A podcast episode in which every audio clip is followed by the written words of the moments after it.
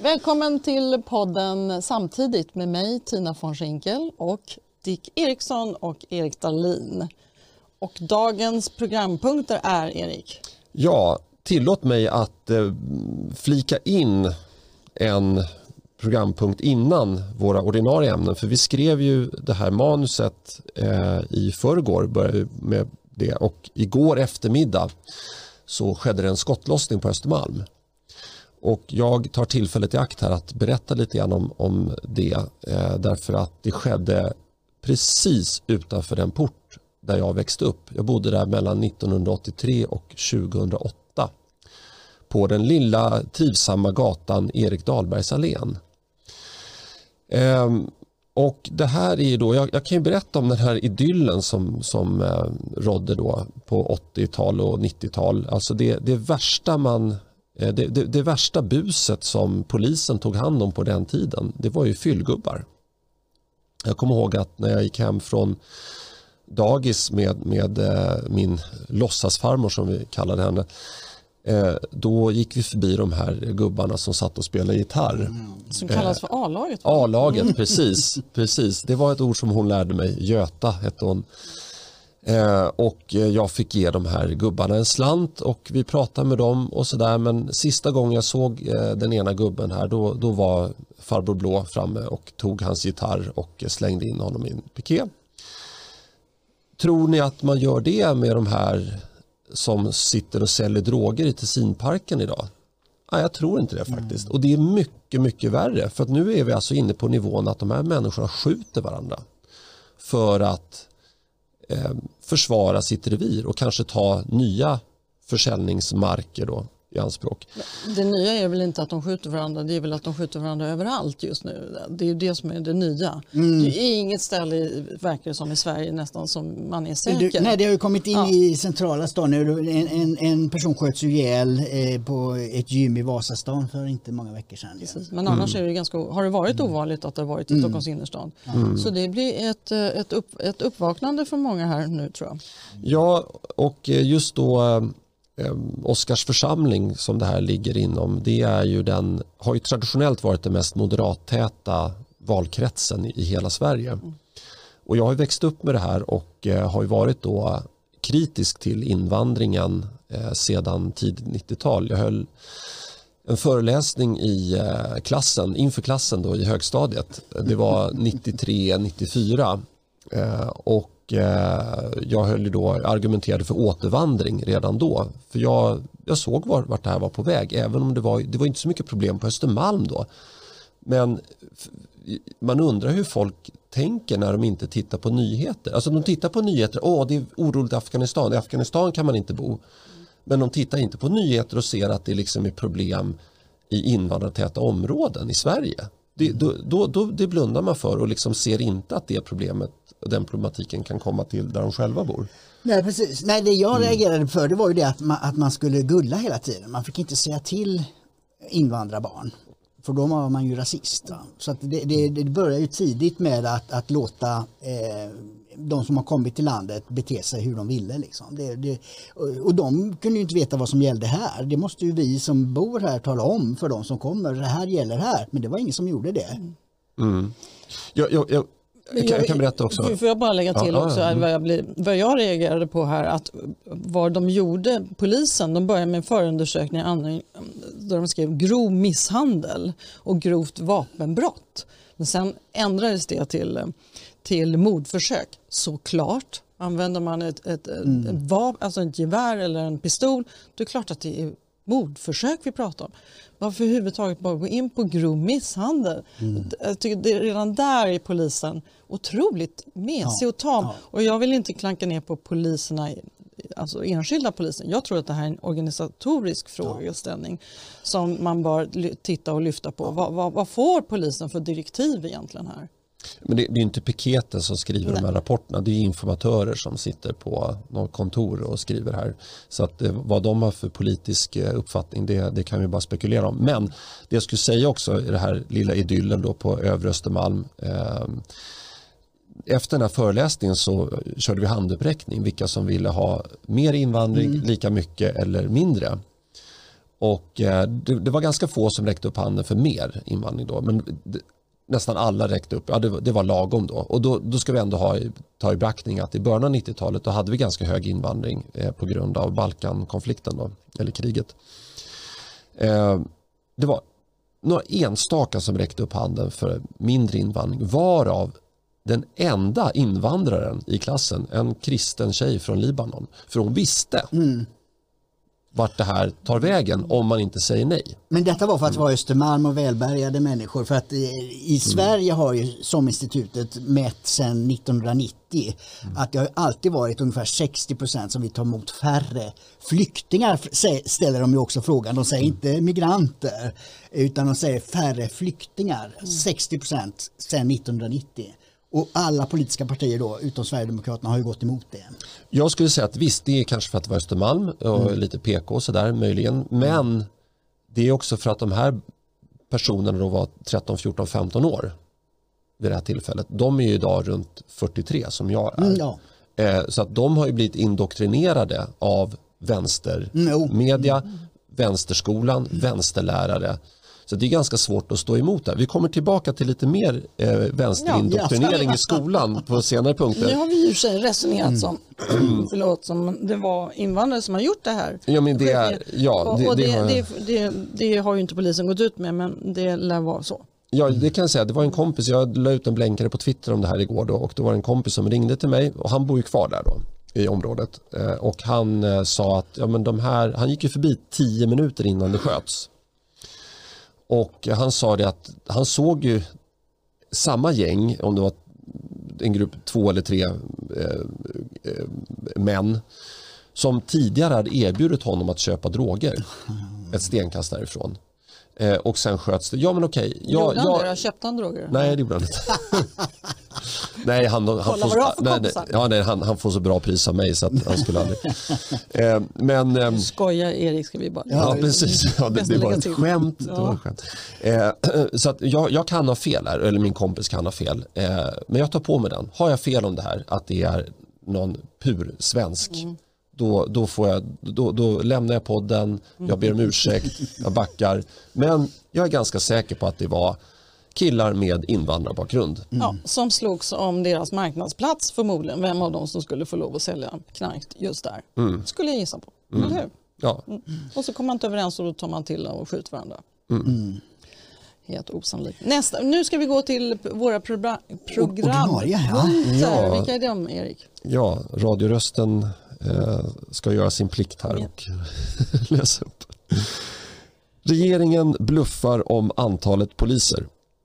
Kan försvarsministern sitta kvar? Ren och skär rasism och Annie Lööf.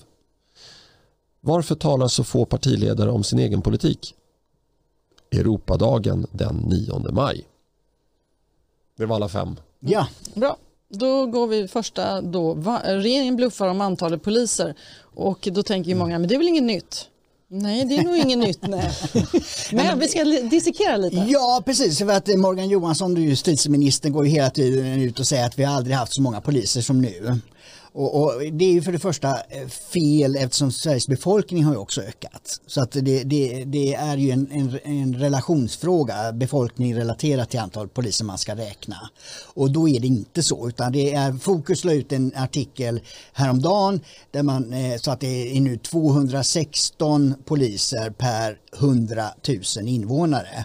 Nej, det var, eh, det var det för tio år sedan, 216 mm. och nu är det 205. Precis. Så det är, en, det är en minskning som har skett under den tiden. Och samtidigt så är det då den här Stefan Holgersson, då, eh, polisforskaren som, medverkar i Fokus, då, som talar om att eh, man bluffar också med statistiken. Man har ändrat vad som räknas då. Eh, till exempel så får civilanställda en snabbutbildning på något område och då börjar de räknas som poliser och inte civilanställda. Och eh, man har alltid tagit in eh, pensionerade poliser eh, när, det, när det har behövts. Så att säga. Man har haft någon sån lista då där man kan ringa in eh, eh folk. Och de har förut inte räknats som poliser för de är ju pensionerade. Nu räknas de som poliser. Mm. Så att det, det, är alltså en bluff och, och, och, det är skamligt tycker jag att eh, om det nu är på regeringens, eh, för det är bara regeringen som tjänar på att eh, bluffa med statistik. Det tjänar ju inte polisen på själv som ska planera verksamhet och så. Då behöver man ju ha riktiga siffror, eh, användbara statistik och inte eh, friserad statistik. Och sen sa den här forskaren, polisforskaren sa också att den här nya som har, polisorganisationen som mm. har skett sedan 2015, mm. där, där, det innebär också det färre poliser i yttre tjänst. Just det. Och det finns inte heller statistik Nej. på utan det får man tydligen gå till var och en och, och fråga, ställa frågan. Så det framkommer inte exakt hur många det är som är yttre tjänst. Nej, det vägrar ju då eh, regeringen och polisledningen att ta fram. Det är, det är polisfacket som ibland har räknat igenom och, och, visat då att till exempel i Stockholm så är det färre poliser i yttre tjänst än vad det var för fem år sedan. Liksom. Så det, det, och det är obehagligt tycker jag i en demokrati att staten fifflar med siffrorna. Alltså att, att eh, eh, Irans ayatollor eller Kinas eh, kommunistparti gör det, det är ju en sak. Men att den svenska socialdemokratiska regeringen fifflar med siffrorna tycker jag är fruktansvärt tragiskt. Verkligen, otroligt tragiskt. Och, och, det som har nu hänt här, korankravallerna, då ställer sig alla frågan men varför tvingades polisen till reträtt? De har ju blivit så många fler och mm. de har ju fått nya lagstiftningar som Morgan Johansson säger, de har ju blivit mycket starkare. Varför var de tvungna att retirera mm. då? Det är klart. Så att, eh, nu förstår vi ju. Ja precis, Nej, det verkar inte för, alltså den operativa ledningen, för vi ska ju inte beskylla de enskilda poliserna. De, de, de gör, gör, ju sitt jobb eh, så bra de kan. Men den operativa ledningen, alltså de som ska vara hjärnan i, i polisverksamheten verkar vara hjärndöd. Alltså mm. den, den, verkar inte fungera. För att det, det kom ju fram också häromdagen att, att man hade fått varningar om att det kunde bli värre kravaller än tidigare. Sju veckor innan eh, skärtorsdagshändelserna. Eh, och vi, vi har hört eh, tidigare att, eh, ja, att det gick fel på skärtorsdagen eh, kanske man skulle kunna ha överseende men varför gick det fel på eh, långfredagen, påskafton och, och, och, eh, och, eh, vad heter dagen efter det? Alltså eh, fredag, lördag, söndag. så gick det ju fel igen på andra orter. Liksom. Det är som om det inte finns det är tomt på ledningscentralen i, i, inom polisen. De verkar inte koppla ihop informationen. Det, det är något grundläggande fel inom, inom polisledningen. Ja, eh, jag vill eh, också nämna att eh, i takt med att eh, poliser i yttre tjänst har blivit färre per capita mm. då, så har ju säkerhetsbranschen ökat. Ja. Den har ju gått från i princip vara en nischbransch för lite sådär bevaka Arlanda och, och bevaka liksom så här, eh, guldreserver, vad vet jag, men till att vara en naturlig del av eh, många företags vardag. Eh, och, kommuner har numera också börjat anlita. Kommuner har börjat anlita därför att polisen har blivit nationell. Så att kommunen kan inte längre bestämma egentligen då, om man ska vara formell att här behövs det mer poliser utan då måste man ju få tillstånd då nationellt. Man har ju kommunala organisationer men, men de som bestämmer, de som fattar besluten det är ju eh, nationell, på nationell nivå vad jag förstår inom polisen. Eh, men, och det här är också det, det här är typiskt Sverige nu. Man har, man har backat Eh, från en massa olika områden, till exempel sjukvård. Och var växt upp istället? Jo, privata alternativ. Mm. Man har backat från sin, sitt våldsmonopol. Ja, vad växt upp då istället? Jo, privata alternativ. Ja. Så att man sparar ju då på, man sparar in på statsbudgeten för att lägga pengar på något annat. Eh, och det här något annat, det vet ju vi i det här rummet vad det är. Det är ju asylinvandring och ulandsbistånd. Det är ju, det är där Sverige verkligen sticker ut gentemot andra länder. Så det är det Sverige har satsat på. Eh, jag tycker att man borde göra tvärtom. Man borde skära ner de budgetarna eh, väldigt, väldigt mycket nu. Och, Vilka de budgetarna? Ja, alltså ulandsbudgeten och asylinvandringen. Och lägga pengarna istället på polisen och kanske patrullerande poliser så kunde företagen istället använda sina pengar till att utveckla sina verksamheter och eh, bli eh, mer framstående på sina områden så vi kanske till och med kan öka eh, hävda oss bättre i den internationella konkurrensen. För, för företagare ska inte behöva lägga pengar på säkerhetsvakter i ett land som Sverige. Nej, precis. Nej, men det är ju därför Mellanöstern inte har eh, någon, eh, haft någon tillväxt på hundra år. Liksom. Det är därför de har den här fattiga och, och, och, och, trasiga miljön. Det beror ju på att de just får lägga alla pengarna på att inte bli dödade. Mm. Och nu får vi det här. Tar hit de problemen. Varför? Det, det är helt mm. obegripligt var, varför man ska ta hit eh, Mellanösterns problem. Men det är det man gör. Det är det sju av åtta partier eh, har velat göra. Ja, och om det är någon som inte tror på vad vi säger så gick jag faktiskt in och tittade på eh, statistiken och antal skjutningar på polisen. Numera för ju polisen statistik mm. på det här och det börjar man göra först 2016 så det är lite mm. synd för man kan inte se hur det såg ut 1990 eller, Nej, eller var, utan man ser bara från 2016. Och januari till april i år, så man är inte med där, då var det 133 skjutningar och varav 27 döda och 36 skadade. Så nästan hälften av alla de här skjutningarna blev det träff på kan man ju säga. Mm. Så det är inte bara skjutningar i luften det här, det är allvarligt. Det, ja. det är verkligen riktigt det, det är menat att döda. Alltså. Precis. Det finns ju statistik men då får man gå in i de här tjocka luntorna. Säkert som, ja. Men du kan inte bara mm, googla fram det på Precis. Brå eller nej. någonting. Det finns mm. inte. Så det, det och vad som också var intressant att se, vad jag förstått efteråt, att de här under korankravallerna, då var det ungefär max 150 personer per på plats som kastade sten, medan polisen var många fler.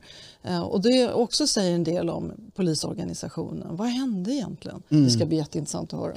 Ja, det, det kommer ju en utredning Ja, det blir, blir ju det, där, mm. där, man får dra slutsatser kring, kring olika saker. Men, men jag tror att det, det kommer inte hjälpa så länge Morgan Johansson är justitieminister. Liksom. Det, det, det, om inte den politiska viljan finns och den, ja, den styrs ut av svenska folket och svenska folket kan avskeda Morgan Johansson 11 september.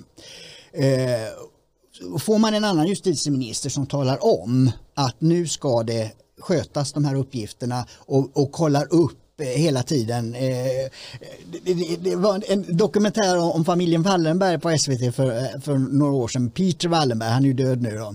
Men då, då fick han frågan, men hur, hur, fick du ordning på företag som var lite, ja, som började sacka och, och, ja då talar jag om för vdn att eh, nu vill jag ha en rapport eh, varje månad och, och, följa upp det här att ni, ni reder upp det här och att liksom, eh, effektiviteten ökar. Och skedde inte det då begärde jag rapport varje vecka. Skedde inte det be, be, begärde jag rapport varje dag. Mm. Och då hjälpte det? Då hjälpte det. Mm, mm. det alltså, då, alltså, det är ju så man sätter press som ledning på att nu ska det här skötas, det här ska genomföras. Och Morgan Johansson han agerar precis tvärtom. Ja. Tänkte, förra året så hade ju Malmö det här Sluta skjut. Mm. Kommer ni ihåg den där kampanjen ja, som hette Sluta det. skjut? Mm. Och eh, då var han överlycklig för då hade Malmös skjut, eh, skottlossningar gått ner till mm. 21 stycken tror jag det var förra året. Och då gick han ut och sa att det är så mm. fantastiskt den här eh, Sluta mm. skjut. Men han nämnde ju inte att det var pandemi och han nämnde ju Nej. inte att det var Ankrochat, att de har lyckats ta en massa kriminella via den här Ankrochat. Det nämnde han inte. Men, och nu i Malmö uppe i 38 skjutningar bara de första ja. fyra månaderna. Så att, och nu är han tyst, nu pratar han inte om Sluta skjut. Nej, och skryter om mm. duktiga Malmö har varit. Nej precis, nej det är ju larvigt att hålla på med sådana eh, sticknålsinsatser. Så han använder ju mm. rapporter mm. i ja. helt annan syfte. Det, det, det, är ju systematiska eh, åtgärder eh, som krävs och, och, och, och jag tror ju inte att, att eh, det skulle vara om det finns någon äldre erfaren polis pensionerad som skulle gå in men annars tror jag att man måste ta hit polischefer från USA eller, eller Israel som, som liksom kan skapa den rätta moralen och den rätta ansatsen. För, för polisen är ju en sorts eh, militärisk organisation, man får inte säga så ju, men, men det, det, är ju det, de, de, ska ju svara på andras våldsamhet. Eh, det är ju, det är en helt annan åtgärd än, än, än eh, att sitta på kontor och planera eh, när nästa resultatrapport ska komma och så vidare. Utan här är man, är, är man ju reagerar man på väldigt mycket vad som händer, eh, vad andra hittar på. Och då måste man ha en helt annan mentalitet. Och det, den verkar ha försvunnit inom polisen, den, den förmågan. Ja, in, inte så konstigt eh, därför att eh, så fort de går det minsta lilla över gränsen så blir de ju åtalade ja. och mm. eh, det, de kanske till och med hängs ut på sociala mm. medier och så här. Och man kan ju undra när Sverige ska få sitt första George Floyd-fall. Eh, och då alltså, menar du, lägg ut det. Ja, alltså det är ju så här att eh, var... ja, han var ju en multikriminell eh, person med mörk hudfärg då, eh, bör tilläggas, eh, som eh, dog tyvärr då väldigt olyckligt under ett polisingripande. Ja, han eh, hölls nere på backen. Så filmades ja. det. Och... Ja, eh, och den här personen, alltså det, det man måste förstå här, eh, vilket också kommer in i den svenska kontexten, att om man inte gör som polis, en polisman säger då riskerar man ju att dö. Alltså, det, det, har, det, det här är jag långt ifrån ensam om att tycka. Det, det är många, jag lyssnar på en del, del poddar eh, med moderater bland annat eh, som menar på det att eh, men om, man, om man sätter sig i en polisbil Eh, och, och ta på sig en polisuniform då måste man någonstans på vägen måste man ju liksom ha mött ett sånt enormt motstånd från polisen. Alltså man, man ska ju inte kunna göra det. Och, och jag, jag, tycker någonstans att den, här personen som gör det, om, om jag skulle göra det, om jag tänker så här, ja, men nu, nu ska jag... Nu ska jag, ja, man jag fattar inte. Nej, ja, men, men, men, men, men, ja, nu pratar om båda. Ja, men George, George Floyd, han, han, gjorde inte som polismannen sa Nej. och han mm. dog. Och det får man räkna med. Alltså det, det är det man måste... Du menar alltså, om, man, om, om man gör motstånd? Ja, gör motstånd. Ja. Mm. Och om jag mm. skulle göra motstånd, om jag skulle göra det George mm. Floyd gjorde mm. eh, och jag blir dödad och så ser jag mig själv i, i, liksom, i efterhand. Ja, jag var fruktansvärt mm. dum som inte lydde polismannens order. Mm. Och samma sak, det, och vi kommer ju hamna där också till slut om, om vi ska ta, sätta hårt mm. mot hårt. Om inte polisen ska få sina polisbilar stulna mm.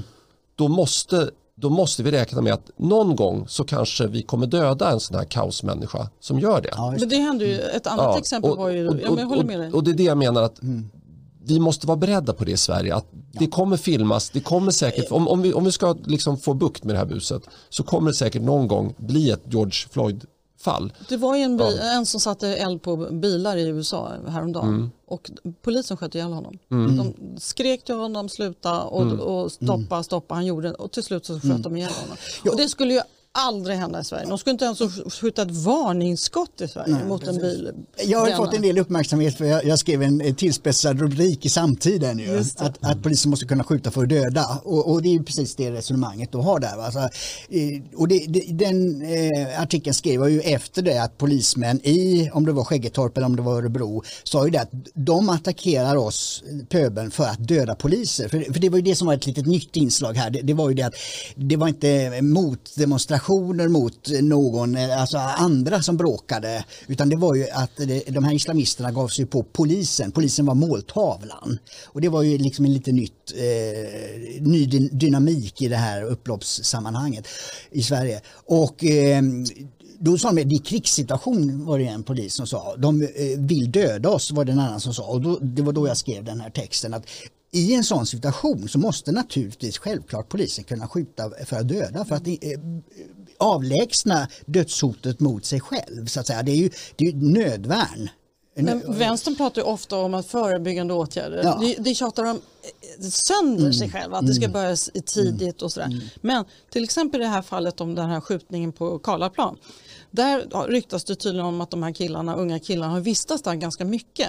Och då, då tycker, varför har polisen, och det vet alla om, mm. och polisen vet tydligen också om det.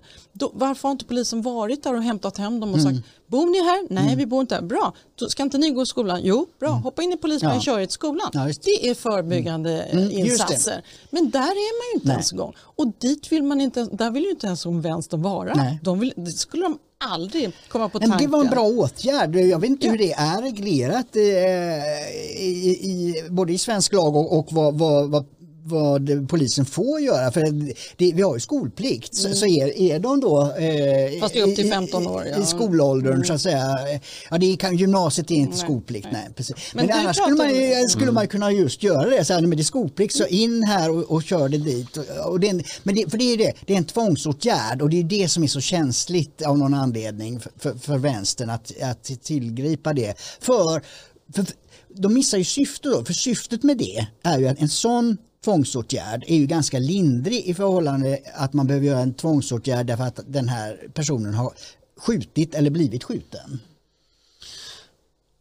Ja, du var inne på det här med lös, lösdriverilagen. Ja, i, försnacket här så jag, jag, eh, tycker faktiskt att man borde se över det att, att införa en lösdriverilagstiftning igen. Eh, Som innebär? Att, ja, det innebär att om du, in, om du är ute på stan och inte har ett specifikt ärende så begår du ett brott.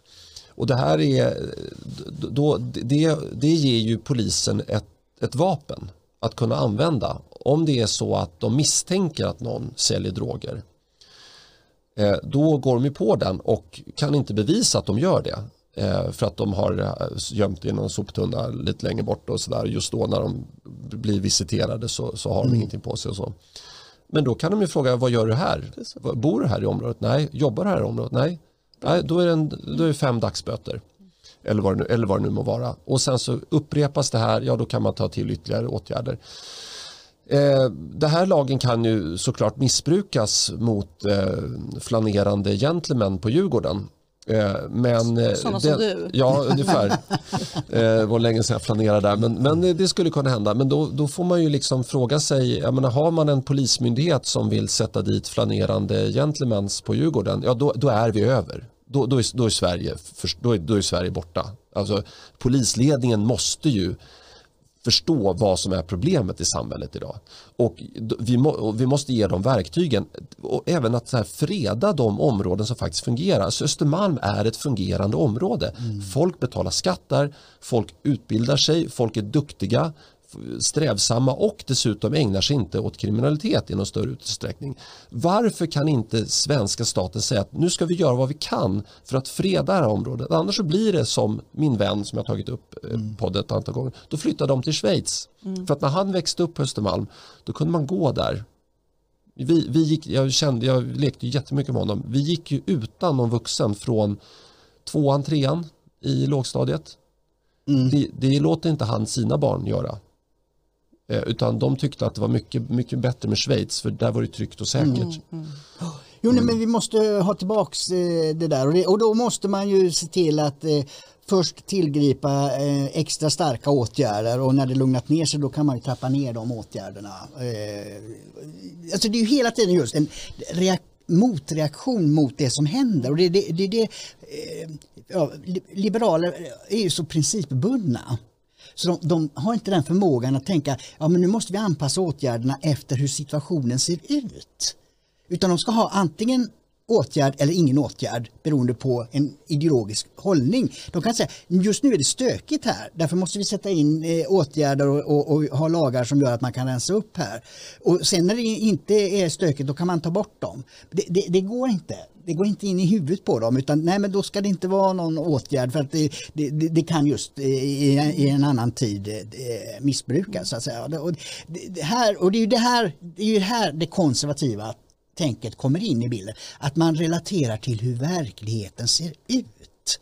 Och så får man eh, åtgärda utifrån naturligtvis principer och, och, och värderingar eh, och moral eh, hur man ska åtgärda. Men, men det är situationen som, som måste bestämma. Inte en eh, princip vid ett skrivbord. Liksom. En sak man kan titta på det, det här avslöjar det här med när polisen säger att det finns eh, fler poliser än vad det varit tidigare. För de siffrorna mm. kommer ju från polisen.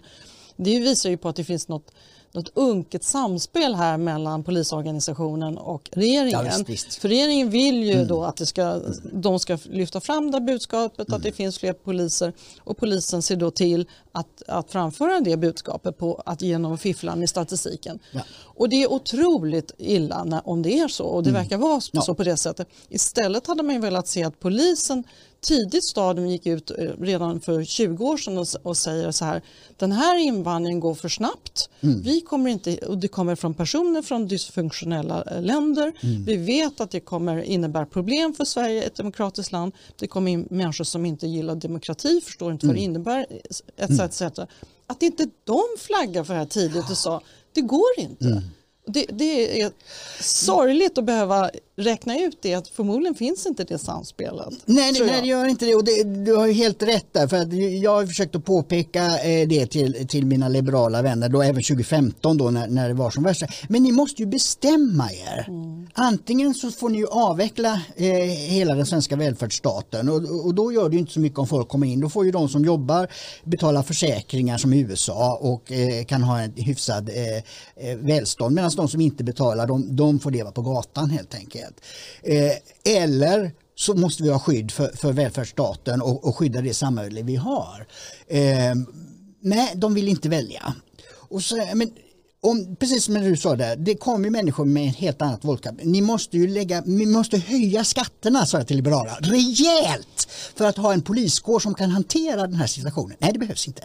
Alltså, de lever i en låtsasvärld. Va? Det, det, det, det är så märkligt va? Och, och det är ju därför Sverigedemokraterna har vuxit och det är därför jag sitter här. Det, därför att de andra sju partierna fattar inte hur verkligheten ser ut.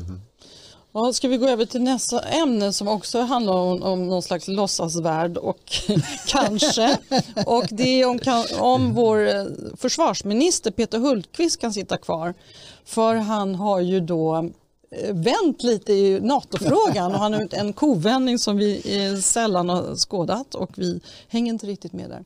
Eller? Ja, nej, jag, jag har ju bara sett det här YouTube-klippet från, eh, var det, eh, är det, är det folk, folk och försvar eller? Nej, nej, nej, det var sossarnas kongress. Det Var var det, i- i, jag tror det kongress, var i ja. november förra November, året. ja. Ja, okej. Ja, det har varit så länge sedan. Ja, ja. Ska ni berätta vad han, berätta vad han sa då angående, angående NATO? Just det, jag skrev ner det här. Jag kommer definitivt aldrig, så länge jag är försvarsminister, att medverka i en sådan process. Det kan jag garantera alla. Och det gäller då NATO-medlemskap. Men nu låter det annorlunda. Nu säger han så här, Sverige blir starkare med NATO, säger han. Och jag har ingen ambition att avgå. Nej men alltså det, det är så här, han, det han säger då eh, som en del av den absolut högsta eh, politiska ledningen i Sverige det är att löften betyder ingenting. Ord betyder ingenting. Vad ska man som skolbarn tänka då när man växer upp i den miljön? Nej, men man kan ju lova en sak ena dagen och sen eh, nästa dag i princip. Man, man, kan, man kan byta åsikt över en vecka. Eh, och det gör ingenting. Man får sitta kvar, det får inga konsekvenser. Eh, Fast de Och- bör ju kunna byta åsikter, politiker, eller hur? Eller? Jo, alltså, så, I så närtid. Ja, Nej, jag håller med. Ja. Jag, Mm. nu provocerar jag er. Nej, men, nej, men jag, jag, jag tycker det att man ska kunna, men då, då måste man förklara varför man gör det. Eh, och det är ju där de här sju partierna står nu när de har ändrat åsikt om, migrationen. Det ska inte längre vara öppna gränser. De låter fortfarande bli att förklara varför de har ändrat sig. Varför tyckte de en sak förut och varför tycker de någonting annat nu? Där ska det bli en hederlig debatt då måste de förklara. Och varför gör de inte vill- det? Varför gör de inte Nej, jag vet inte. Att de vill liksom inte erkänna på något sätt vad det är. Va? Sen, sen när det gäller just NATO-frågan, där har jag faktiskt försvarat eh, Hultqvist och eh, även Annika Strandhäll då, som ordförande för S-kvinnorna sa ju eh, samma sak eh, och ännu senare då att det kommer aldrig att bli aktuellt med NATO-medlemskap. men det som är skillnaden det är att det här är säkerhetspolitik. Och säkerhetspolitik är precis som när det gäller polisen då, det är en fråga om hur andra agerar. Jag skrev en ledare om att säkerhetspolitik det är att dansa med fienden. Alltså, våra åtgärder är beroende av hur andra agerar. Är Ryssland snälla, lugna, demokratiska och och vill utvecklas eh, och, och, och vara en demokrati, ja då behövs det inte. Och det var det man trodde på 90-talet då när man började avveckla försvaret. Eh, men är det en, en, en, eh, så att det visar sig att, att ja, som det händer nu, att, att Ryssland går in med pansarvagnar i, i ett eh, alliansfritt eh, land, då är ju situationen helt annorlunda. Jo, men det var inte riktigt så saken var. För social, Peter Hultqvist han stod ju fast vid sitt ord även efter invasionen, efter eh, Ryssland hade invaderat Ukraina. Mm. Ja, det gjorde han i flera det, veckor. Ja, det, det som är fel och det skriver Ja. också, det är ju det att, att göra sådana här kategoriska uttalanden, det, det tyder på att man inte förstår just det jag sa, Nej. vad säkerhetspolitik är, att det är, är relaterat till andra. Det må- måste man ju säga, så länge allt är frid och fröjd så, så är, är det ju lugnt. Sen måste man ändå ha en försäkring för att det ska hända, för det tar lång tid att bygga upp ett försvar. Ja, nej, men jag, jag tycker att det är lite olyckligt att det, det fokuseras så mycket på en så oviktig fråga som NATO. Eh, är du ironisk? Nej, jag är faktiskt inte det. För att om man tänker efter lite grann, NATO kräver ju att vi, har ett, eh, att, att vi lägger 2% av BNP på vårt försvar. Om vi hade gjort det eh, hela tiden nu, då hade vi inte haft det här problemet. Då hade vi haft ett starkt försvar. Och vi hade då kunnat... hade vi inte behövt gå med i NATO menar du? Nej, det, det vill jag hävda. Mm. Och, och, jag vill nog hävda att vi kanske inte behöver göra det idag heller. Eh, jag, men, men alltså nyckeln här det är att lägga mycket pengar och resurser på vårt försvar. Och det är ju så här att Ryssland har ju inte något direkt intresse av att inta Sverige. Vi, vi, det, det, finns ingen stor rysk minoritet i Sverige. Det är ganska jobbigt att inta Sverige. De måste åka med fartyg över Östersjön och då är de ju lätta mål. Eh, eller måste de inta Finland först. Det, det är lite bökigt rent ut sagt. Och Eh, det, men vill de göra det så kan de. Men det är bara det att vi måste signalera att eh, gör, det, det kommer inte vara värt att göra det. Mm. Eh, och, och, det kan vi göra på olika sätt. Antingen gå med i NATO eller ha ett eget starkt försvar. Men jag tycker det att eh, nu gör man det här i affekt. Alltså man har ju trott och helt, alltså man, man är väldigt så här från ena dagen mm. till den andra. På 90-talet, ja, men det, är inga, det är inga problem alls överhuvudtaget. Men mm. en själv har ju, om man skulle frågat jag har vuxit upp med två föräldrar som var födda på 30-talet. De har ju alltid varnat för ryssen mm. hemma i mitt hem. Alltså, det är ju så här, det är ett latent hot. Det var ju ett hot på 90-talet också. Det var inte så att det var frid och fröjd och guld och gröna skogar och, och flower power. När kalla kriget var Nej, definitivt men, hot från Ryssland. Ja, sen kanske inte vi be, hade inte behövt ha världens tredje effektivaste flygvapen mm. som vi faktiskt hade mm. en gång i tiden. Det kanske var lite överdrivet. Men säg topp 10 i världen då. Ja. Men det jag gillar med, och det är ju Fälldin-generationen då, mm. de, de sa ju det att man får ta konsekvenser. Vill vi vara alliansfria, Mm. Då får vi lägga enorma summor på försvaret och Fälldin beslutade om JAS, det var hans eh, projekt, liksom, JAS Gripen. Eh, sossarna röstade emot eh, att vi skulle ha ett eget försvar. Jag vet inte om sossarna ville köpa ryska plan eller jag vet inte vad, de skulle, vad deras alternativ var. Men, men Fälldin sa ju det, nej men är vi alliansfria då måste vi sköta försvaret själv och vi måste just göra det svårt för, för andra att eh, invadera. Eh, så på den tiden hade ju fortfarande politik konsekvenstänk. Eh, liksom. Vad betyder det om vi gör på detta sättet? Vad betyder det om vi gör på det här andra sättet? Och, och det, det, har inte dagens generations politiker utan det, det är bara vad, vad, låter bäst idag i pressmeddelandet. Som, som, och då hamnar vi i den situationen att det blir väldigt, väldigt hattigt. Va? Och den här regeringen, framförallt den här regeringen, den tycker jag, utmärkande för den här regeringen är just nu att den fattar inte några egna beslut på egna initiativ. Utan i NATO-frågan mm. är ju framputtad av av Finland ja. och, och sneglar hela på Finland. Mm. Och i alla andra frågor, vilken fråga som helst, mm. så är de ju, det är oppositionen som trycker på dem hela ja. De fattar ju inga mm. egna beslut på eget initiativ. Precis. Det, det, det är skrämmande. Ja, ja det är väldigt eh, Ja, jag vet inte vad, jag, jag funderar på vad det beror på men det, det, är tydligen så att det går ju svängningar i, i, i över tiden. jag läste en bok om, om eh, eh 1809 års eh, statskupp, palatskupp var det ju när, när man avsatte eh, Gustav IV. Och, och eh, då, en historiker, nej, han är diplomat men har läst mycket eh, historiker och, och diplomatiska eh, korrespondens på den tiden från andra länder.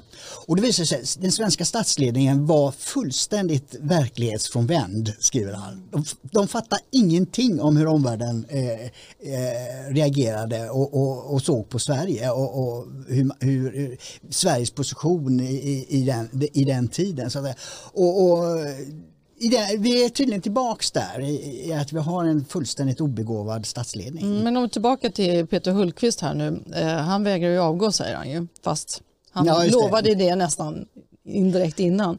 Eh, men han har ju faktiskt varit inblandad i en rad andra skandaler. Han höll på att åka i IT-skandalen med Transportstyrelsen. Ja, mm. Men då var det nog hans Borlängemål som räddade honom för han var väldigt uppskattad där under perioden. Jag vet inte om ni kommer ihåg det? Ja, just det. Precis. Ja, och, och, och så är det det här vanliga att eh, eh, när oppositionen hade, eh, vad säger man, blod... Eh, alltså, ja, man kände att nu hade man... Eh, vittring. Ja. vittring ja. Mm. Då, då överreagerar man och, och tog inte bara Ygeman och hon eh, Anna eh, Johansson och, eh, utan man skulle ha Ygeman. Hultqvist också. Så det var en overreach så att säga och då kunde sossarna eh, säga att de var balanserade när, när de lät Ygeman och, och, och, Anna Johansson lämna regeringen men inte Hultqvist liksom. Ja, nej men Hultqvist, han är, alltså det är många inom Socialdemokraterna som kommer undan med någon sorts eh, eh, yttre attribut. Alltså Ygeman med sin basröst och sådär. Och, Och lugn. Ja, lugn och, och så. Men han är ju en total katastrof. Och Hultqvist också, han står ju med fusklappar när han debatterar med Jimmy Åkesson. Det var bra att du tog upp det, jag tänkte faktiskt upp det. Ja, Det var efter att han hade skrivit en artikel i Dala-Demokraten där han hade tyckt att SD var hur mycket man än sminkar en gris så är det en gris, skrev han. Ja, just det. Och Jimmy Åkesson med rätta blev riktigt arg. Ja, jag vet inte om det stod exakt så att eh, hur mycket man än sminkar grisen så är det, så är det fortfarande en gris. Han sa inte, ja skitsamma, Ja, men det, det, typ. alltså jag, jag tyckte det är onödigt att, att, att, att sjunka till den nivån som politiker. Det är Att riktigt, stå med riktigt fusklapp eller skriva Nej, så? att, att, att skriva så. Alltså, li, liknelsen är ju, han, han skrev ju aldrig rakt ut att, att SD är grisar. Nej, det gjorde han. Men, men det är, det är, jag tycker det är onödigt. Och, och, och, men det, det visar ju desperationen. Ja. Eh, och jag undrar, liksom, Peter, jag, jag tycker så här rent allmänt, om man, om man är inne i politiken och ser det som eh, den, den största vinningen är den egna karriären, då ska man lämna. Och, och jag tror att Peter Hultqvist är där. För att om han hade varit övertygad om att Sverige inte ska gå med i NATO, om han på riktigt hade haft en personlig ideologisk övertygelse, då hade ju han velat lämna. Men, alltså det, det kommer in en sak till som, är- som jag inte gillar eh, i politik och det är, jag tror att man i partiledningen, sossarna, tycker synd om, Peter Hultqvist. Han blir nämligen petad som arbetarkommunens ordförande i Borlänge. Han har ju varit kommunalråd där. det var väl länge sedan? Nej, det var ganska nyligen. För han var kommunalråd länge men blev ju sen eh, minister. Men, men eh, sossarna själva på hans lokala nivå sparkar honom som ordförande. Och då tycker de synd om Men det var bra att du tog upp det, för han är ju riktig yrkespolitiker. Han är ju inte ens en gång en efter gymna- gymnasial utbildning. Han har jobbat i partiet i... Ja, ja precis. Men, men, men då borde man ju partiledningen istället fråga sig varför vill våra partivänner bli av med honom på lokala planet? Vad, vad, är, vad är problemet liksom? Det, och det gör, nu vet inte jag vad, det, vad anledningen var men, men det, det ger ju ingen, inga, inga goda vibbar om, om, om att han är omtyckt och sådär. Sen gjorde han vapenfri militärtjänst vilket har blivit ganska mycket uppmärksammat. Eh, Som att han är försvarsminister. Det har ofta var- varit så i Sverige att det, det är politiker utan eh, någon egen erfarenhet som har varit på den posten. Ja. Men om, om vi svävar ut lite grann, då, kan ni nämna en socialdemokrat som har hamnat i kylan? Alltså de, de, oavsett vad Alltså de som gör. får gå. Ja, som får gå och som blir, som blir ute i kylan. Alltså till och med Mona Sahlin som har gjort bort sig. säga, hon är ju ute i kylan. Nej, Jag, jag anser Men det togs inte att nej, vänstermedia tar in henne och Det hon får stämmer. uttala Det sig och så. Alltså ta, ta, någon, ta någon sverigedemokrat som har liksom sagt ja, lite mer än flasklock då i något fel sammanhang. Den personen blir totalt, och det, det får inga bra jobb. Det, får, liksom, det, det, det där möjligen, Mona Sahlin kanske är rökt på en arbetsmarknad av, av eh, förklarliga skäl. Då, men, ja, men de, de tar ju hand om varandra. De, de får ambassadörstjänster, de får några medieuppdrag. För liksom det, det är galet. Ja. Men det, det är en framgångsrik taktik. Ja, de har ju haft makten så länge så att de, de har ju fortfarande tentaklerna ute och statsapparaten är ju ganska stor. Ja. Vi är bara avundsjuka här eftersom inte Ja. vi sossar Jo, tillhör de- den här politiska adeln. Ja, trevligt. nej, men det är smart på sätt och vis för Mona Sahlin är ju fortfarande sosse. Trots att hon har fått sparken då. och Sådär. Ja, just för, att, det. för att de har ju tagit hand om henne. Men tänk om de, om de hade haft henne och ett antal andra eh, framstående profiler då som hade gått till Vänsterpartiet till exempel och bedrivit attacker mot, mot sitt gamla parti för att de är sura och bittra. De, det finns ju inte. Nej. Nu ska vi byta ämne tror jag. Du vi ska prata om en Ja. annan kvinna och hon heter Annie Lööf. Det är också ett, ett stående ämne här nästan hos oss på podden. Eh, ren och skär rasism. Sa hon om något hon själv har förespråkat. För hon, hon sa eh, eh, Aftonbladet rapporterar 2016. Centerpartiet vill satsa en miljard kronor för att eh, öka tryggheten i civilsamhället. En av åtgärderna ska vara eh, förändringar av miljön. Ett exempel kan vara belysningen, att den förbättras, kameror sätts upp och att gångbroar rivs. Och Sverigedemokraterna skriver i, i sitt åtgärdspaket, det som då Annie Lööf eh, anklagar för att vara ren och skär rasism. Genom blandad byggnation, uppfräschning och generell, generella trygghetshöjande insatser kan stora, stor skillnad göras. I det arbetet kan inte uteslutas eh, att rivning kan komma att behöva ske. Här eh, kan inspiration hämtas från det danska gettopaketet. Så det är precis samma eh, andemening eh, som Sverigedemokraterna har 2022 och det kallar Annie Lööf ren och skär rasism även om hon sex år tidigare sagt samma sak.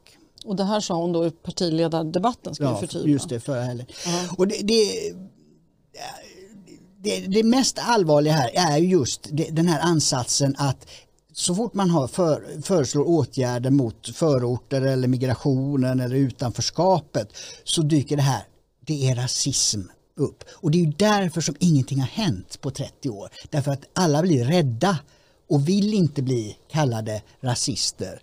Och därför händer ingenting. Va?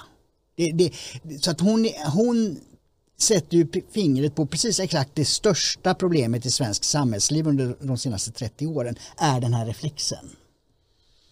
Mm det här vore någonting för Anders Holmberg att eh, dyka mm. in i. För han gjorde ju samma sak mot Morgan Johansson. Han mm. hade ju uttalat eh, någon företeelse om att det var rasism. Mm. Jag kommer inte ihåg vad det var nu. Och sen så gick han ut själv då tio år senare och föreslog exakt samma sak.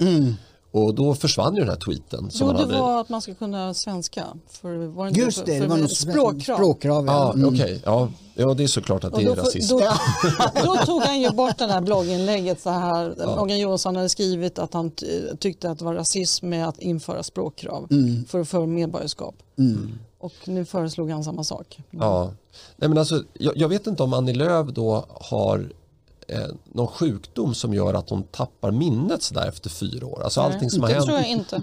Nej, för, för det är också sådär att, jag menar, titta på vad hon stod för när eh, hon blev, precis när hon skulle bli vald till partiledare. Det stod mellan henne och var det Anna-Karin Hatt? Eller? Ja, och Anders W Jonsson. Ja.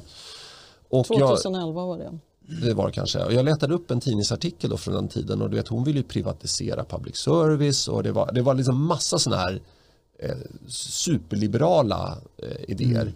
Eh, driver hon dem idag? Nej, hon har nog glömt bort att hon har drivit dem därför att nu är hennes bästa kompisar, de heter Socialdemokraterna mm. och de vill absolut inte privatisera public service för det skulle kunna innebära att det kommer krav på lönsamhet och mm. det kommer krav på kvalitet och kanske till och med krav på att inte ja, bedriva en linje som eh, sittande regering vill. Mm. Men, eh, och, och, det är samma sak här här verkar hon ju då också ha glömt bort 2016, det är sex år sedan. Mm. Kanske där gränsen går då. Men alltså, eh, hon måste ju ha glömt bort att hon har sagt det här. För hon, hon, kan ju inte på allvar tycka att det är ren och skär rasism att, eh, Riva. att, att inte utesluta rivning. Mm. Att det är ren och skär rasism, att ens titta på frågan. Mm. Men att, att, mm.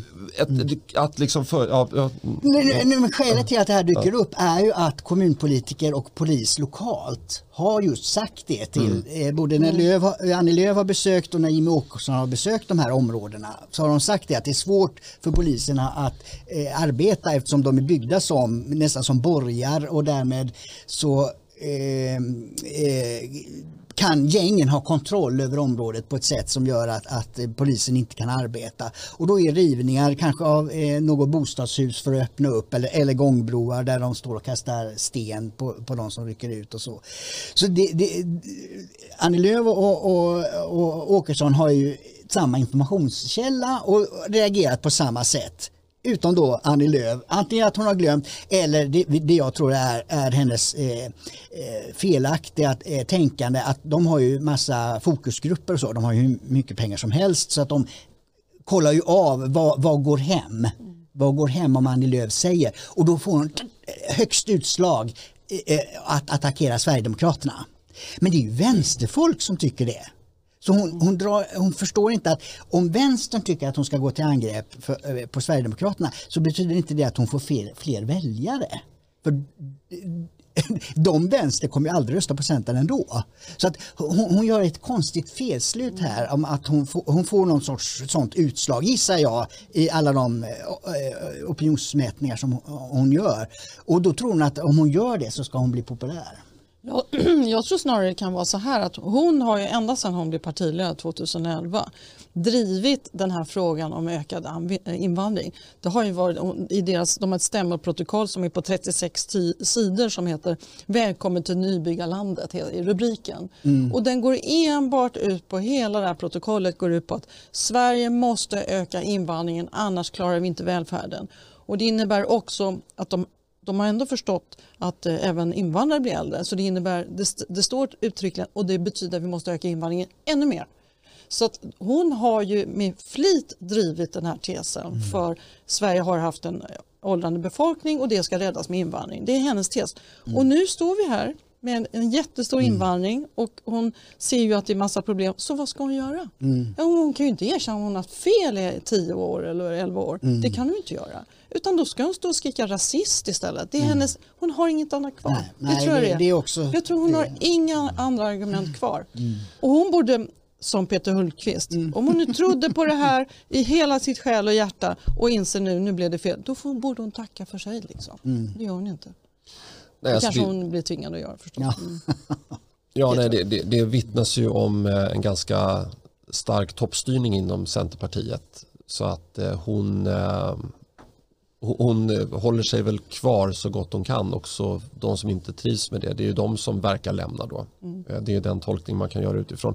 Men jag tycker att alltså, det ska bli väldigt intressant här inför valet därför att jag, jag tycker mig se en väldigt tydlig trend här. Magdalena Andersson säger typ ingenting. Nej men liksom hon säger, ja NATO, nej men vi är emot och sen så oj, vad händer nu då? Nu börjar väldigt många bli för NATO. NATO kan bli en valfråga. Ja, ja, ja, då, då blir också vi för NATO. Mm. Och eh, oj, invandring är ett problem. Ja, jo, men det, det, har varit för mycket invandring och för dålig integration. Mm. Men vet, hon, nu såg inte jag hela partiledardebatten, men, men hon ger ett ganska sådär hon ger kanske ett statsmannamässigt intryck därför att hon, hon är välbalanserad och så här. Men hon tycker inte så mycket. Mm. Och, så har, och hennes kompisar då som hon ska regera med. Eh, Nooshi som är vänsterpartist och, och tycker liksom eh, eh, att eh, allt annat än höjda skatter det är fel politik. Eh, och sen så har hon då Märta Stenevi och eh, Annie Lööf som i princip, det är ju samma politik. Det enda, mm. det, det enda, båda slänger rasistkortet hela tiden och tycker att Sverigedemokraterna är det hemskaste som finns. Det ena att Annie Lööf vill ha lite hög, äh, lägre skatter äh, och äh, Martin Stenevi vill ha lite högre skatter. Ja, det är enda skillnaden. Ja, mm. så att, hur ska de få ihop det här regeringsalternativet? De, alltså Märta Stenevi och, och Annie Lööf, de är ju spritt galna. Alltså jag skulle, jag, så här, om, om, om, jag, om jag funderar på, på, att, på att rösta på Magdalena Andersson, om jag hade den idén, mm. då skulle jag avstå. Ja. Av det skälet att hon måste regera tillsammans med någon av de här. Eller båda i värsta fall. Ja, båda, ja, ja exakt, alltså, exakt, förlåt, båda, exakt. Just, nej, en röst på Socialdemokraterna är en röst på Annie Lööf och ja. eh, Nooshi och, och Märta. Ja. Ja. Ja, Illavarslande. Ja. Vi ska gå till punkt nummer fyra. Varför talar så få partiledare om sin egen politik? Och det har vi ju faktiskt lite nämnt här. Ja, precis. Det, nej, men det var den fråga jag ställde mig inför söndagens eh, partiledardebatt. Och, och, och, jag sa vi hade ju direktsändning i Riks som ett uppsnack och, och, och, så hade vi eftersnack också. Och i försnacket så sa jag det att, att eh, eh lyssna nu och hör hur mycket pratar partiledarna om sin egen politik och hur mycket håller de på och gormar om andras. Vad gjorde de då? Vad var ja, din nej, konklusion? Det, det, var ju, Annie Lööf var ju det värsta exemplet så att säga men mm. även då eh, Märta Stenevi och, och, och eh, vad heter hon, eh, Nooshi talar mycket om andras politik va? och inte om sin egen. Och, det, hur tolkar du det? Nej, det, du var ju inne på det, de har ingenting att komma med. De, de har ingen egna akt, vad heter det, offensiva eh, förslag eh, utan de säger bara mer av det vi har gjort och så säger väljarna ja men det gick ju inte så bra. Ja men de andra är rasister. Alltså, det är ett sätt att leda bort. Men det kanske eh, funkar? Ja, det har ju fungerat i, i 2010, 2014, 2018 har det ju funkat. Det, det, det, Så att det, de kommer ju köra det där tills väljarna slutar gå på den Och hur ska oppositionen äh, bemöta det? Men jag tror att det, det, det, handlar om att, att äh, göra så som äh, Åkesson har gjort nu och, och Tobias Andersson, då, rättspolitisk talesperson, att lägga konkreta förslag. Jag, jag har alltid varit för det och jag gillar det själv och jag, därför tror jag ju det att Man ska visa på lösning, man ska vara lösningsorienterad. Ja, man, ska, man ska ta lösningsningarna. Men naturligtvis ska man göra analyser och jag gillar ju filosofi och filosofera över vad, vad, vad som skapar det, det bästa samhället och så vidare. Men inför ett val när människor som många är inte intresserade av politik utan eh, det är ju mer som att skriva på en försäkrings, försäkringsbrev så att säga. Att eh, man gör det därför att man, man eh, behöver eller borde göra det så att säga. Och, och eh, då, då tror jag, då är det de det sista ledet, alltså de konkreta förslagen som politikerna ska leverera. Det här står vi för, det här, de här åtgärderna vill vi göra. Och då kan väljarna eh, avgöra eh, vad de tycker låter rimligast. Ja. Vad tror du? Ja, eh, nu ska jag låta som eh, Linus Bylund. För de som saknar honom mm. i podden. Eh, alltså vi, vi har ju så svag media i Sverige så att det här är ju att, att man inte då talar om vad man själv står för utan klandrar andra för vad de står för. Står för. Mm. Det borde ju media eh, se igenom och de, de borde ju liksom eh, Snappa ja, upp det menar du? Bildligt talat eh, dra ner brallorna på dem. Eh, men det gör de inte. Eh, och det, det är ju tyvärr, vi har ju 9 miljarder till public service där eh, man hellre drar ner brallorna på, på det andra blocket och, in, och inte på makten. Mm. Inte på de som har innehaft makten i, i princip i 100 år oavbrutet. Men eh, jag så här, för att också eh, nämna en annan man, eh, Fredrik Reinfeldt, inte lika populär. Nej, men han, han, gick ut då i valet 2006 var det precis, och frågade Göran Persson. Vad ska du göra? Hur ska du göra det och med vem ska du göra det? Mm. Vad alltså, svarade Göran Persson? Ja men han hade ju inga svar Nej. därför att de redan då, då hade ju sossarna, då låg de runt 40 procent, 42 tror jag. Eh, och de var lite oklart vilka samarbetspartner de hade. Nu så här, alltså Socialdemokraterna, de ska ju vara extremt glada om de hamnar på ett valresultat som ligger runt opinionsundersökningarna. De har ju toppat runt 35 procent. Eh, och det är 7 procentenheter lägre än vad man hade då 2006 eh, där man inte kunde förklara vad man ville göra, hur man skulle göra det och med vem man ska göra det. Ta bara de här korankravallerna. Hur ska ni få, hur ska ni få bukt med det här problemet? Ja, men säger de att det ska vara hårdare tag, då kan man säga att ja men hur då?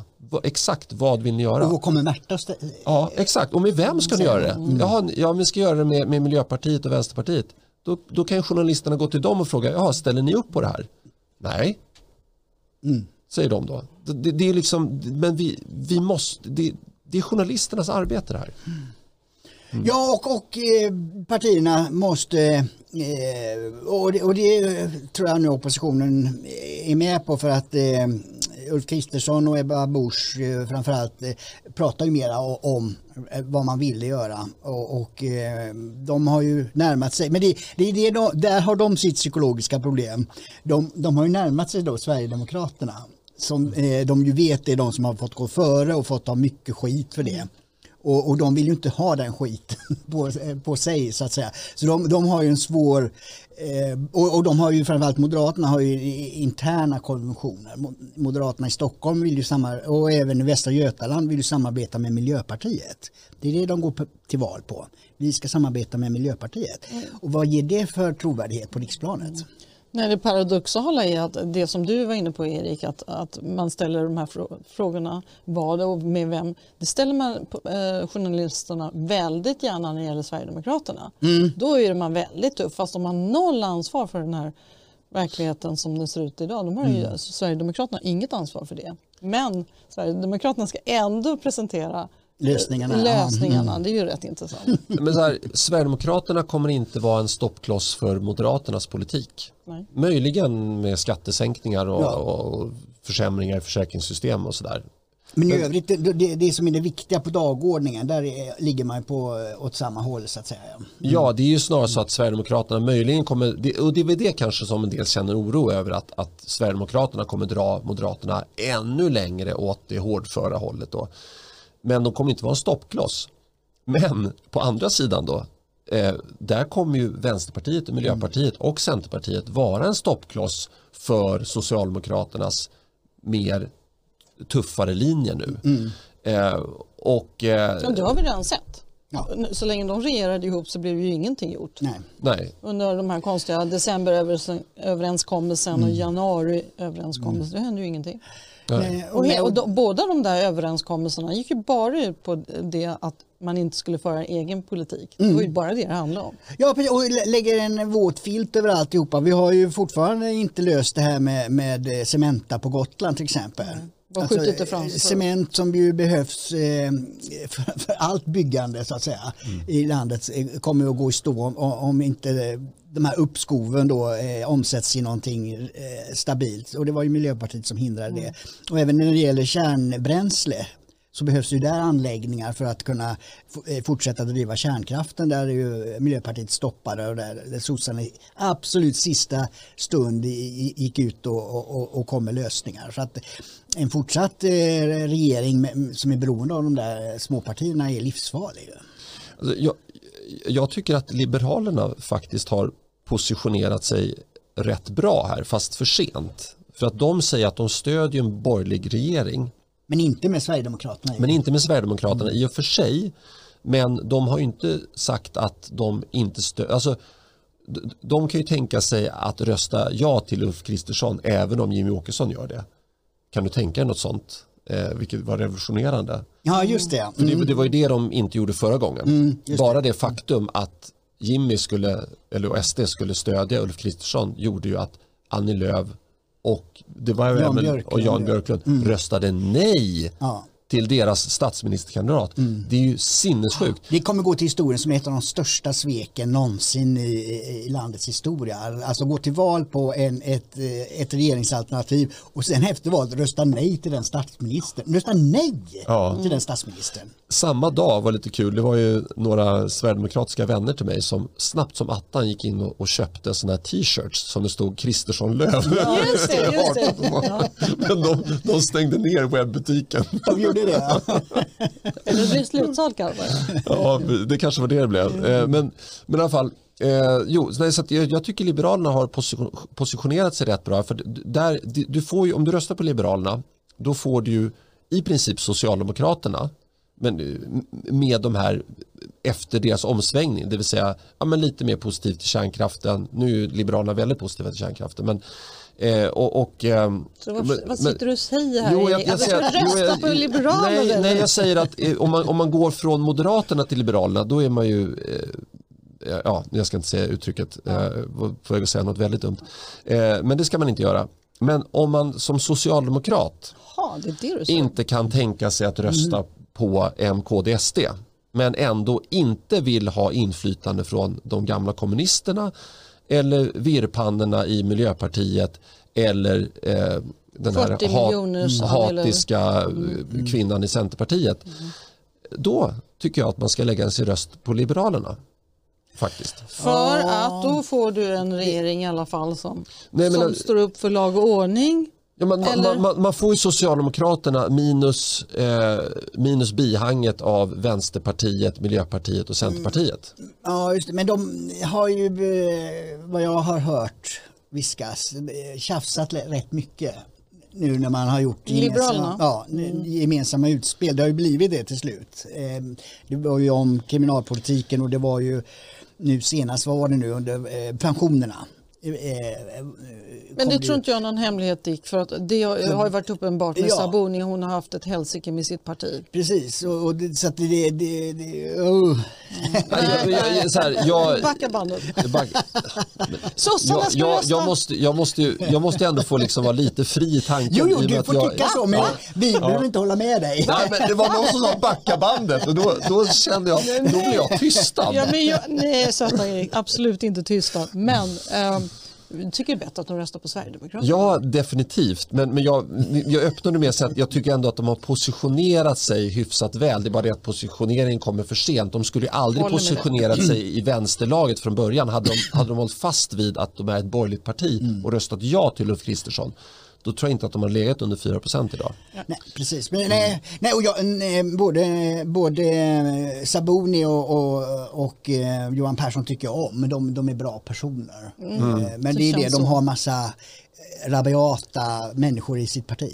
Och, och, vi ska inte prata så mycket om Liberalerna men jag kan, jag kan tycka att Sabuni gjorde ett, ett riktigt stort fel och det var när hon blev partiledare att hon inte rensade upp ordentligt. Hon, hon skulle sagt nu är det jag som partiledare, nu kör jag den här linjen och passar inte det er så får ni ju rösta fram någon annan Jo, men hon, fick, hon, fick, hon gjorde ju faktiskt det. Hon fick ju de här extra partiråden där det var omröstningar. Det. Men de har ju forts- bråkat, ja, ja. de har fortsatt. va. Och, och, men det är ju det, Liberalerna har, eh, och det är svårt kanske för eh, ett parti att göra det eh, för att uteslutningsmetoden går ju att använda men, men det är lite diktatoriskt att utesluta de eh, politiker som fortsätter att tjafsa. För det är ju det, det, är ju det de har gjort. Va? I- Framförallt i Stockholm så har ju liberaler fortsatt att vara emot eh, den linje som partirådet har bestämt. Och det, då är det anarki i ett parti. Ja, för Marcus Allard Örebropartiet, han säger ju ofta det. Ja, Passar inte det jag säger och tycker, de röstar fram någon annan då. Det, det, det är, ju- så funkar det ju i en demokrati. Ja, precis. Men, ja, men i en partiorganisation, du, du har ju landstingsråd, eller regionråd heter det numera, i, i Stockholm här då. Så, så hon är ju, Starbrink heter hon, hon, hon, är, hon är ju folkvald i, i, i regionvalet och hon sitter i styrelsen för Liberalerna. Men hon skiter i vad majoriteten tycker i sitt eget parti. Och då blir det ett problem. Och går ut i media. Och naturligtvis får man mest media när man är emot sitt egen partiledning. Va? Så att det, det, det är ju det här som Kristersson undviker genom att vara väldigt vag. Därför att han vill inte att, att eh, Moa Berglöf-falangen ska börja attackera partiledningen. För då får de all media som Moderaterna får, får de som är kritiska mot partiledningen. Det här borde du säga till media. Ja, det vet de redan. Jag ska vi gå över till sista punkten Ja. och det här ett, ett äm, ämne om EU som inte många tycker är särskilt intressant men som borde vara mer intressant. Och ehm, det kallas för Europadagen och det skedde den 9 maj. Vad var det för någonting Erik? Ja, precis. Det är, eh, inträffar varje år då, 9 maj som du sa och den instiftades 1985 av Europeiska rådet till minne av Schumann-deklarationen från den 9 maj 1950. Deklarationen var startskottet för den europeiska integrationsprocess som syftade till att bringa ett slut på krigen i Europa och som senare ledde fram till bildandet av Europeiska unionen. Så att man firar på något sätt startskottet för EU. Man kallar det för Europadagen men det, det slirar ju väldigt nära, det touchar ju väldigt nära EU. Och pengar går via EU-kommissionen. Ja. Ja, och så att jag, jag kan bara, alltså, om, om man firade, alltså, det, är- det är fel att kalla det för Europadagen för att hade alla länder gjort som Schweiz då hade man inte firat den här dagen för det hade inte blivit ett EU. Då hade, då hade inte den här Schumann-deklarationen lett fram till bildandet av Men- Schweiz har väl aldrig varit med i Nej, EU? nej men eh, alltså jag, jag vill hålla isär Europa och EU. Ja men det gör man inte i och med att man kallar det för Europadagen. Det var det Erik ville säga. Ja, ja, du menar att det, det, den riktiga titeln borde vara EU-dagen. EU-dagen eftersom, ja, då, nej, men det är jag Ja. med på. Och då kan du, lä- den kan du lägga ner. Ja. Så vad hände då på EU-dagen? Jo men precis, och då, jag kan ta från en skolas Facebook-sida här. Då skriver de så här, 8C, nej så här, vi firar Europadagen 2022. 8C har skrivit en låt och gjort en film för att uppmärksamma EUs syfte. Att göra livet enklare, bättre och säkrare. Alltså det här är ren och skär, inte rasism, men det är ren och skär EU-propaganda. Man kan inte kalla det för något annat. Det är inte så att man hyllar kontinenten Europa, man hyllar EU. Och det tycker jag man inte ska göra som skola. Som en svensk skola ska man inte göra det därför att EU är någonting vi kan lämna. vad, vad var det du sa nu att de eh, sjöng om? Nej men det, ja, vi, låttexten har jag här. Eh, låt, här är låttexten då. Vi tar varandras händer, hjälper varandras länder. Tillsammans är vi starka även när det vänder. Teamwork är vår helhet. Det är allting vi vill ha. För vi är EU och det hyllar vi idag. Hipp hipp hurra för EU idag. Hashtag Europadagen 2022, hashtag Erasmus. Ja, men, men det värsta i det, hela den här kråksången det var ju att det var en tävling som ut, utlystes. Så att, äh, det var, de riktade sig mot alla högstadier och gymnasium. Så jag läser här på deras sida. Um, där det står så här, undervisar du elever på högstadium eller gymnasium, då kan din klass delta i tävlingen Europadagen 2022 och vinna 30 000 kronor till klasskassan. Priset delas ut till två klasser som bäst uppmärksammar Europadagen genom att sprida kunskap om EU på ett engagerande, kreativt och inkluderande sätt. Mm. Alltså inte kritiskt Nej, eller annat mm. på något sätt. Så det är det den här klassen hade gjort. De försökte mm. vinna 30 000 kronor. Ja. ja. Det här, Money talks. Ja, jag vill ge en eloge till dig Tina, superbra grävt. Mm. Jag, jag har googlat lite grann på det här i veckan och inte hittat, hittade, hittade inte det. Eh, för det här är ett jävla myrstack, mm. ursäkta uttrycket. Mm. En annan skola, bara som ett exempel. Idag har Frida gymnasiets EU juniorambassadörer varit i Stockholm och firat Europadagen. Ett spännande program med panelsamtal om bland annat det säkerhetspolitiska läget i Europa, klimatomställningen, EUs inre marknad och den europeiska demokratin. Ja, europeiska demokratin det, det, det, den finns ju inte utan det är ju nationell demokrati som finns. Ja, ja alltså mm. vänta nu ska vi säga europeiska. Ja, eh, Ryssland är en del av Europa. Det går, gränsen går ju vid någon eh, Ja, och, och, och, och nej, det jag ville säga var att ja. EU är ingen demokrati. Nej, vi kan inte avsätta kommissionen. Folket kan inte avsätta kommissionen.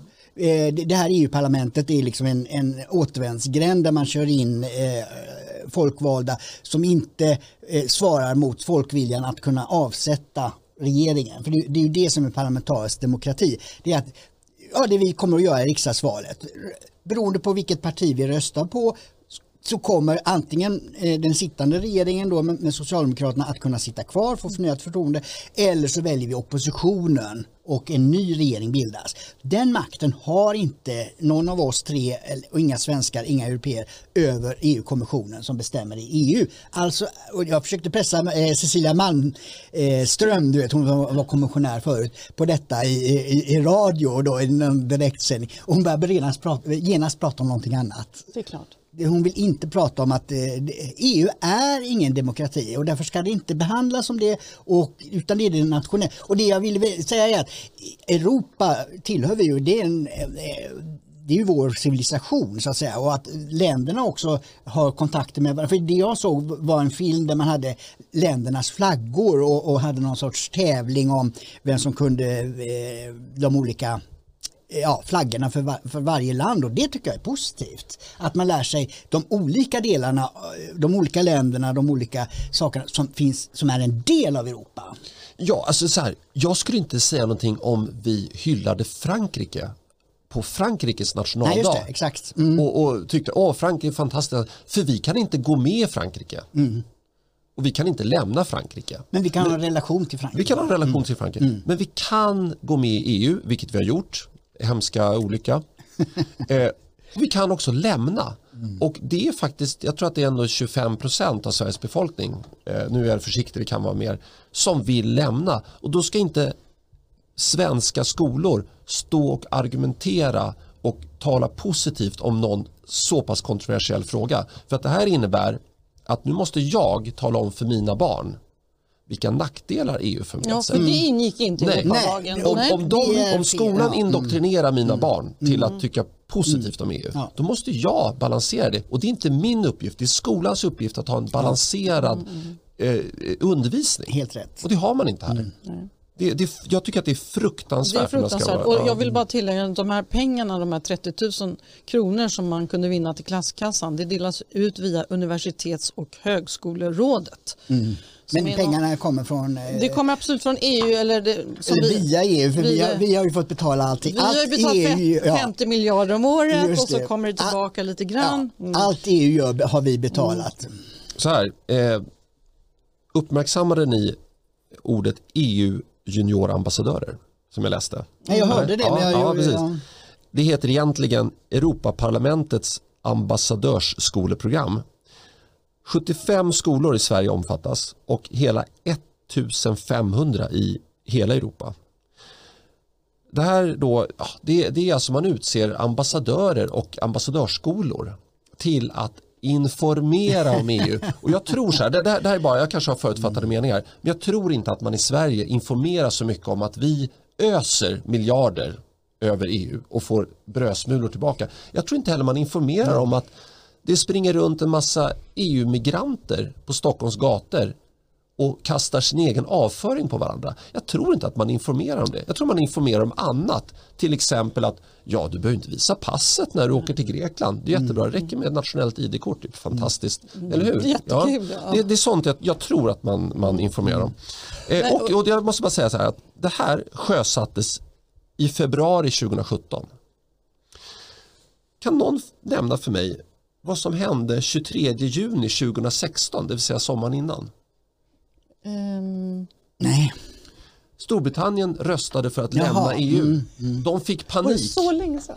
De, ja, mm. de här människorna de fick panik och tänkte hur ska vi göra nu för att tala om. Så att ingen mer vår, lämnar. Ja, ungefär som Kinas regim tänker hur ska vi göra nu för att våra medborgare, invånare mm ska bli mer positivt ja, inställda till oss. Det är en bra jämförelse. När man ja. använder skattepengar för att eh, propagera för en viss eh, politisk linje då är det precis det kommunistpartiet ja, i, i, Kina gör. Ja. Ja, visst, precis. Och, och, de som jobbat inom EU de kallar det för golden cage, alltså den gyllene buren. När man hamnar i EU så hamnar man i gyllene buren.